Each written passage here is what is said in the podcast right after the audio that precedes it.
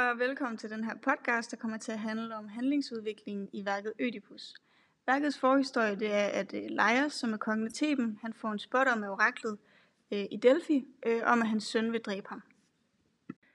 Øhm, ja, så nu vil vi øh, gå videre til analysen af værket, hvor der vi så også har nogle øh, citater så, til at underbygge det.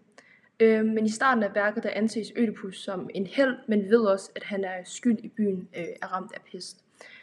Øhm, og der har vi så et citat, som er vers 46-50. Så gå da øh, helt og hersker, rejs på sted igen, og værn det ryg du vand, til kaldte dig sin redningsmand. Da første gang vi så dit mod, lad aldrig nogen mindes dig som den, der først har rejst vor by, og siden styrtet den i grus.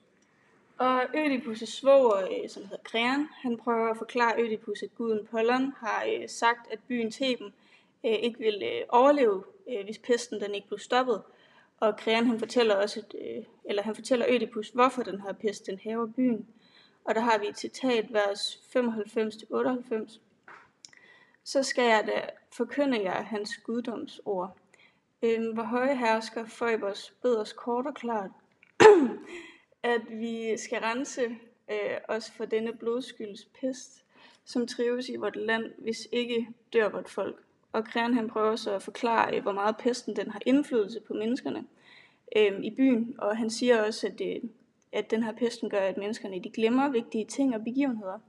Og hvor vi har et citat 131-132, Jeg vil, at disse ting skal frem for dagens lys. Det tjener Føjbers, og det tjener dig til ros. Og den her passage betyder meget, fordi at øh, øh, folket de ligesom har glemt sådan, hvem og hvor mange der slog kong Leias ihjel.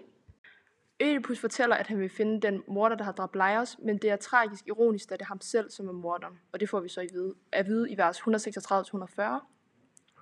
Øhm, og Ødipus forklarer så til befolkningen, at hvis han kender til, hvem morderen er, så vil straf komme til at ramme øhm, ham. Øhm, og vi har så et citat, øh, vers 248-250. Og det væler han som gæst hos mig ved Arnens ild, og ved jeg, hvem øh, han er, men huser ham trods alt. Øhm, og denne udmelding, den bliver øh, meget ironisk, da han jo selv øh, er morderen, uden at vide det. Øh, og det giver så også derfor en øh, hensyn til, at Ødipus finder ud af, at, ud af det på et tidspunkt, og han vil derfor blive ramt af straf for guderne. Øhm, og Tiresias, som er en blind, øh, men synsk, han kommer til byen, fordi Ødipus vil have svar på, hvem morderen er. Og Tiresias øh, vil ikke svare på, hvem morderen er, øh, så derfor så beskylder Ødipus, altså Tiresias, for at være morderen. Og det ser man i vers 348-346.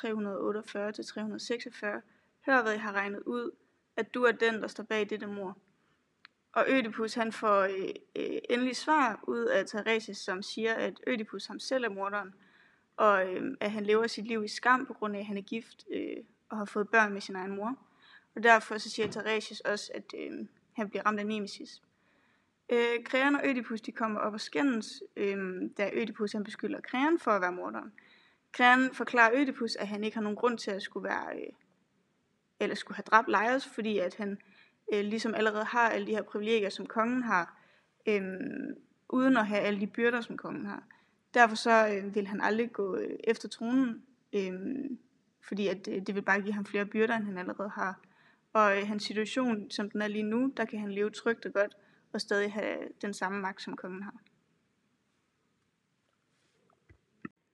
Efter Ødipus og Krean har været over skins i et stykke tid, så øh, bryder Jokaste ind øh, for at få dem til at stoppe. Øh, og vi har igen et citat, vers 632-636. Øh, hvor er det ynkeligt, at jeg er et ybekiv. Øh, I burde skamme jer. Vort land er ramt af pest, men I har ikke andet øh, for en skænderi. Nej, Ødipus og Kreon, gå nu hver til sit, og lad så bagateller være, hvad de er. Øh, Jokas, hun påtager sig ligesom sådan en form for en morrolle over for dem, øh, hvilket er ironisk, da det er, at øh, Jokaste jo er Ødipus' mor. Øh, og Jokaste fortæller, øh, hvor kong Laios øh, blev dræbt for at hjælpe med at opklare øh, mordet.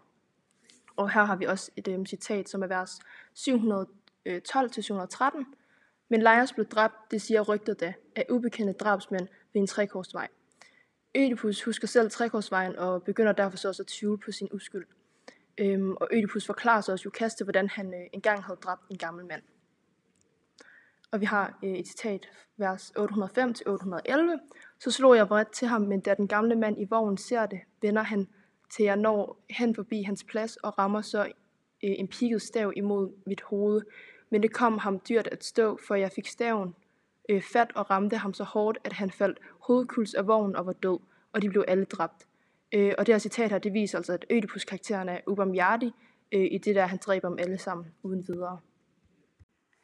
Ødipus han hører, at der har været et vidne, som der har set situationen ved den her trekorsvej, og Ødipus han vil gerne have fat i tjeneren, som er vidnen, vidnet, der har set den her situation, fordi at øh, det er det her vidne alene, som der kan be eller afkræfte, om øh, hvorvidt øh, Ødipus han er morderen eller ej. Og det kan han ved at sige, om der var en eller flere ved trekorsvejen. Der kommer en budbringer til Ødipus for at sige, at Polybos er død, og det har vi citat vers 952-953. Han kommer fra Korinth ned bud om Polybos. Din fader lever ikke længere, han er død. Og her der øh, tror Ødipus, at øh, han har undgået det frygtelige orakelsvar om, at Ødipus han skulle dræbe sin egen far. Han tror nemlig, at Polybos er hans far, og dermed så kunne han ikke have dræbt ham. Budbringeren fortæller Ødipus, at Polybos ikke er hans far, øh, og budbringeren forklarer sig også, at han har fundet Ødipus, øh, og han har givet ham øh, til Polybos. Øh, og det er så i vers 1019. Med disse hænder har jeg skænket dig til ham. Ødipus vil så finde ud af, øh, om nogen kender til den hyrde, der har overgivet Ødipus til budbringeren. Øh, og når han først ved det, øh, så ved han, hvor han stammer fra øhm, fordi han vil ligesom finde ud af, hvem der er hans rigtige forældre. Øhm, og Ødipus finder så ud af, at hyrden har arbejdet øh, for Laios, det er vers 1119 til 1121. Ødipus øh, siger, kom hen til mig, du gamle mand, og svar mig på mit spørgsmål. Tjene du engang hos Laios? Og hyrden siger, ja, vokset op som slave der, men ikke købt. Ødipus han finder så dermed ud af, at han stammer fra Theben. Ødipus han ser sandheden i øjnene, og så når han til erkendelse – han indser, at det ikke er ham, som der har slået... Øh, han indser, at det er ham, der har slået Lejers ihjel, og at Lejers er jo kastet af hans rigtige forældre. Og det ser man i vers 1181 til 1184, hvor han siger, Og ved mig, alt er sandt, jeg ser det klart. Og sol, lad mig se dit lys for sidste gang. Jeg først, jeg førte først i skyld og fik øh, en brud i skam. Jeg dræbte selv i skændsel ham, der var min far. Og øhm, på grund af den her store øh, tragedie, så slår øhm, Jokasa sig selv ihjel, og Ødipus han øh, ender med at prikke sin egen øjne ud. Øhm, og ved at gøre det her, så skaber han sig medynk med seerne. Ødipus han frygter for sin døtres øh, videre liv, og han frygter, at der er ikke nogen, der vil gifte sig med dem. Øhm, og Kreon og Ødipus de bliver så til allersidst enige om, at Ødipus han skal forlade byen. Så det kan altså konkluderes, at Ødipus' møjre er bestemt, øhm, så Ødipus han må altså bøde for den gerning, han har gjort øh, hvilket betyder, at han skal forlade Theben. Øh, han skal altså ikke slås ihjel, men han skal blot forlade byen. Øh, og man kan så drage paralleller til historien om kong Krøsos. Og her snakker Solon om, at man først ved, at man har haft et lykkeligt liv, når det ender. Og Ødipus han kan sammenlignes med Krøsos, fordi ifølge Krøsos, der karakteriseres lykke øh, ved, at man har magt og rigdom. Og Ødipus han havde magt og rigdom, og antog derfor øh, sig selv som værende lykkelig. Øhm, og hans sidste tid, den var ikke lykkelig, da hans liv det tog en meget tragisk drejning. Ødipus han er altså en tragisk held, fordi hans egen søgen øh, på morderen er hans egen undergang, øh, og han vil så komme til at blive straffet af guderne, fordi han har syndet. Det var så den tragiske historie om Ødipus, øh, og om hvordan hans liv det tager en meget tragisk drejning. Øh, tak fordi at du hørte med i vores podcast. Hej hej!